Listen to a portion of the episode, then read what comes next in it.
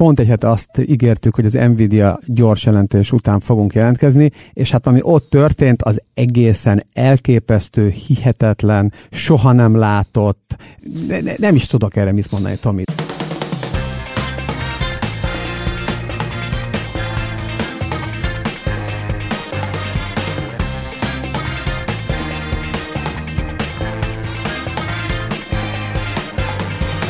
annyira egy irányba mindenki, hogy már mindenki felszállt erre a hajóra.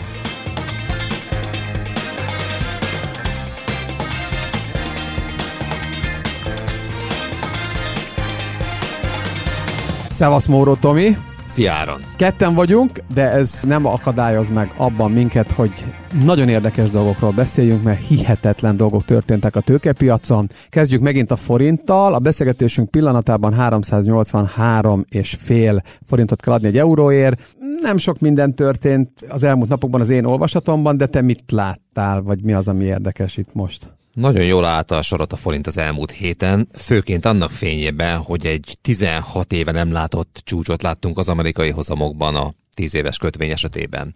Korábban az elmúlt hetekben, hónapokban nagyon erősen korrelált a forint az amerikai hozamokkal. Magyarul, hogyha felmentek a hozamok, gyengült a forint, és ez volt a megszokott minta. Ugye lehet, hogy csak kikapcsolták a számítógépeket, és szabadságra mentek a forintot sortoló emberek, de lényeg az, hogy a forint ezt a tőkepiaci vihar turbulenciát nagyon jól állta. Igazából nem voltak komoly mozgások az euróforint árfolyamban a korábbiakhoz képest, úgyhogy ez mindenképpen egy pozitív hír. Más magyar eszközök árfolyamán is láttuk ezt például az OTP-n, tehát összességében úgy tűnik, hogy ezek az egyébként nagyon komoly mozgások nemzetközi szinten most nem hatottak a forintra, ami nyilván pozitív.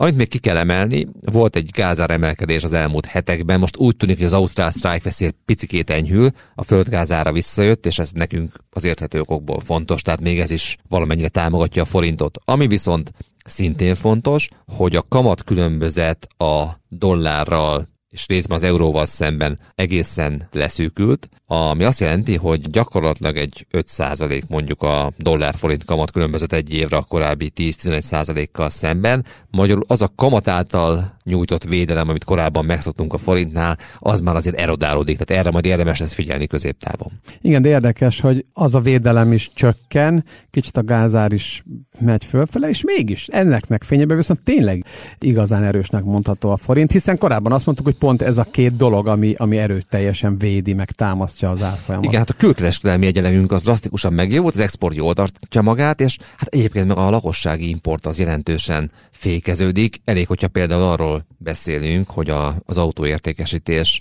két személy mértékben csökken, sőt a héten hallottunk olyan számot is egy interjúban, hogy akár lefeleződhet az új autó megrendelések volumene idején, ami nyilván mutatja azt, hogy azért van egy ilyen recesszió közeli állapot, de ami a reálgazdaságnak nem annyira jó, az a fizetési mérlegnek, külke mérlegnek viszont pozitív, és így a deviza mérlegünk is javul. Mik az OT? Magyar részvények közül van olyan, amiről érdemes beszélni itt az elmúlt egy héten? Hát mindenképpen az OTP-t ki kell emelni, hiszen a széllel szemben felfelé haladt eléggé intenzíven.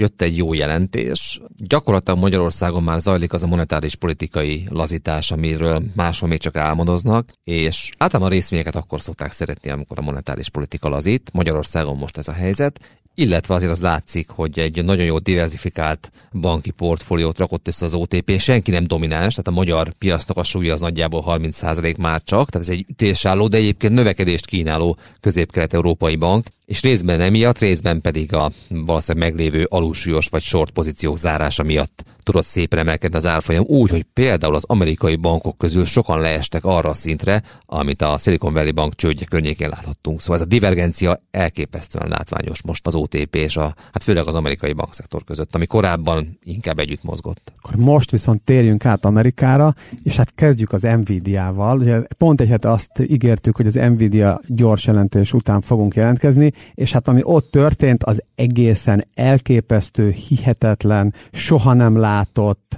ne, ne, nem is tudok erre mit mondani, Tomi, de mondd el a konkrét számokat, és aztán a hallgatók eldöntik, hogy ezek a jelzők igazak-e, amikkel én felvezettem az Nvidia elmúlt Hát szerintem nem túloztál. Gyakorlatilag az idei első negyed évben, ami egyébként április 30-ával zárul, 7,2 milliárd dolláros árbevétele volt a cégnek. Az ezt követő negyed évben, tehát egy negyed év alatt ez majdnem megduplázódott 13,5 milliárd dollárra. Ekkora méretű cégnél ilyen gyors javulás szerintem példanélküli, ami nyilván a mesterséges intelligencia megoldások, csipek és csipek és szoftverek együttes kereslet bővülésének köszönhető. Van egy hatalmas beruházási boom a mesterséges intelligencia szektorban, amelynek az Nvidia messze a fő haszonélvezője. Tehát a többi hardware gyártó nem tudott erre igazából felcsatlakozni. Az Nvidia, de már beszéltünk korábban, 20 éve elkezdte fejleszteni azt a megoldást, ami ide juttatta. Megdöbbentő ez az árbevétel növekedés, a profit pedig év per év alapon 843 kal bővült, ami tényleg egy horrorisztikus szám. Tehát azok a hedge fund vásárlók, akik a második négy évben betáraztak az Nvidia részvényeiből, tényleg jól tették, és nagyon jól látták ezeket a folyamatokat, de igazából a, a jelentés a vártnál is sokkal erősebbre sikerült, sőt a guidance is nagyon erős, 16 milliárd dolláros árbevételt vár a harmadik négy évre a cég, a piaci konszenzus 12,5 milliárd, de a legoptimistább elemző is csak 15 milliárdot vár, és ehhez képest plusz egy milliárdot fog csinálni az Nvidia cég várkozása szerint, és azt mondta, hogy az alapító vezérigazgató Jensen Huang, hogy gyakorlatilag ez a beruházási boom szerint egy tartós dolog, legalábbis 2024 végéig ezt látni előre. Nyilván utána majd lehet, hogy jön egy lassulás, lehet, hogy jönnek majd versenytársak, de jelen pillanatban az Nvidia megoldásai annyival jobbak a versenytársakhoz képest, hogy igazából gyakorlatilag egyedülalkodó ezen a piacon. Most nyilván az árfolyam felment, ugye 510 dollár a beszélgetés pillanatában a primárketen. Érdekes lesz a mai piaci reakció, hiszen nagyon sokan betáraztak, rengeteg kólopciót vettek, ez volt igazából a slágerpapír. Ha 500 dollár felett marad az árfolyam, az mindenképpen egy pozitív jelzés, ha még, még ehhez képest is emelkedik, akkor az pláne. A nagy kérdés szerintem az, hogy a, az egész tech szektor többi szereplőjére ez mennyire hat majd pozitívan, mennyire széles körű az a ralli, ami kialakulhat, hiszen azért a technológiai szektorban volt egy látványos korrekció az elmúlt hetekben, ezt talán érdemes megemlíteni, meg beszéltünk is róla. Most ezeket is próbálják veszegetni, teljesen jogosan egyébként, ez a korreláció az normális. Nagy kérdés, hogy mondjuk két-három napon belül, és főleg úgy, hogy Jerome Powell beszél ugye pénteken délután, milyen lesz a párnapos, egyhetes piaci reakció. Igen, szóval visszatérve a jelentésre, ugye azt a többenet, és erről beszélgettünk a beszélgetés előtt, hogy kis startup cégek nem tudnak ilyen növekedést csinálni szélzben, meg profitban, mint amit a jelen pillanatban 1200 milliárd dollárt érő Nvidia meg tudott csinálni. Tehát ebben a méretben ilyen, az, az, az egészen döbbenetes és, és páratlan. Igen, és még egy dolgot érdemes kiemelni, hogy hogyan lehet ugye, szép szakszóval felskálázni a termelést. És itt jön elő az, hogy gyakorlatilag a cégnek nincsen saját gyára, hanem a, a Taiwan Semiconductor-ra bérgyártat, ahol viszont van olyan kapacitás, hogy ezeket a termékeket le tudják gyártani nagy volumenben, és úgy tűnik, hogy ez még tovább tud bővülni. Hogy mondjak egy megdöbbentő számot, ugye van a vezető H100-as csipje az Nvidia-nak, ebből idén terveznek gyártani félmillió darabot, jövőre pedig másfél és két millió darab közötti volument, ami a megdöbbentő, hogy ekkora termelés bővülést le lehet vezényelni, tehát ez óriási gyártókapacitás is kell, tehát nagyon-nagyon profin van összerakva ez a vállalat, azt kell, hogy mondjam, nyilván az árazás az tükrözi, de az kétségtelen, hogy ilyen növekedést, ilyen gördülékenyen levezényelni, megoldani, az szinte példanélküli.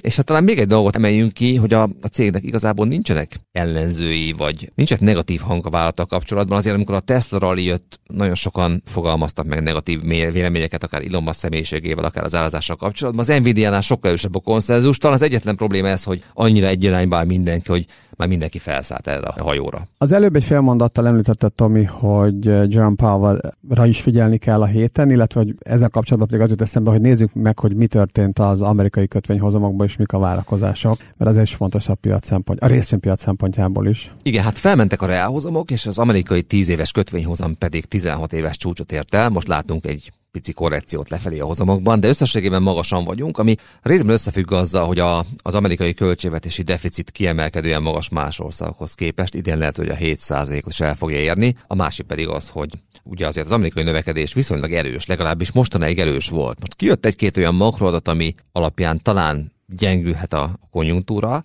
de az tény, hogy egy ilyen helyzetben a Fed szinte biztos, hogy nem teheti meg, hogy monetáris lazításról beszéljen. Tehát úgy tűnik, hogy nagyon messze van még. Az, hogy mennyire keményen fogalmaz Powell majd pénteken, azaz ma, és mennyire árazza be a piac, vagy árazta be a piac ezt a fajta kemény hozzáállást, az egy fontos mutatója lesz annak, hogy, hogy milyen a piaci pozicionáltság, tud-e a részvénypiac emelkedni, vagy pedig ez az augusztusban beindult negatív korrekció, ez tovább folytatódik. Ugye a reálhozamok azok magasak. Tehát a reálhozamok fényében a részvényárazásnak valószínűleg nem kéne itt lennie. Piac visszapattanását főként az hozta el, hogy egyrészt a hozamokkal kapcsolatos várakozások talán javulnak, másrészt az is gondolja a piac, hogy Powell az inflációs sikerek miatt nem lesz annyira pessimista, mint ahogy tavaly volt, és ugye visszaemlékszünk erre, 2022. augusztusában a Jackson Hole-i beszéd egy nagyon komoly piaci korrekciót hozott. Most a piac egy picit arra billen, hogy Powell nem lesz ilyen kemény. Na most, ha itt a következő egy-két napot nézzük meg eh, mondjuk az amerikai piac szempontjából, persze van egy kis érdekesség, mert ezt most csütörtök délelőtt vesszük föl ezt a beszélgetést, és pénteken reggel fogjuk kirakni, tehát nem tudjuk most még, hogy ma csütörtök este, európai idő este mi történik az amerikai piacokon. Egyre nyilván úgy néz ki, hogy magasan nyitnak, hát egy ilyen Nvidia jelentés után ez teljesen egyértelmű, de szerinted a következő napokban a piac erejét mi mutat meg, vagy mire kell figyelni. Részben említetted már, hogy a, az Nvidia mellett a többi chipgyártót is nézni kell, mert hogyha ők is részt tudnak venni az emelkedésben, az egy szélesebb körű emelkedést indikálhat. Ha nem, az már egyfajta piaci gyengeséget mutat. Mik lehetnek még azok, amik itt mozgathatják a következő napokban esetleg hétben az amerikai piacot. Technikailag nézve az, hogy például az 50-es mozgóátlagok fölé tudunk-e keveredni tartósan, illetve hogy kiszélesedik-e a rali. Mert azért azt látni kell, hogy a részvények szűk körét leszámítva nagyon sok amerikai részvény van 52 hetes csúcson. Elképesztően negatív hideg jöttek például a kiskereskedelmi szektorban az ilyen ruházati sportszer kiskereskedőknél. Tehát ha a piacon végignézünk, rengeteg a sebesült, az a kérdés, hogy a, a rali ki tud-e szélesedni. Ez egyik dolog, a másik pedig a, a hozamok alakulása egyértelműen. Tehát, hogyha 4% alá lejönne az amerikai 10 éves hozam, nyilván a növekedési várakozások fékeződése miatt, akkor az be tudna indítani szerintem egy szélesebb rallit, köszönhetően annak, hogy az elmúlt hetekben eléggé sok sort pozíció nyílt a piacon. Meglátjuk, szerintem ezeket kell figyelni. Köszi Tomi, akkor jövő péntek reggel innen folytatjuk.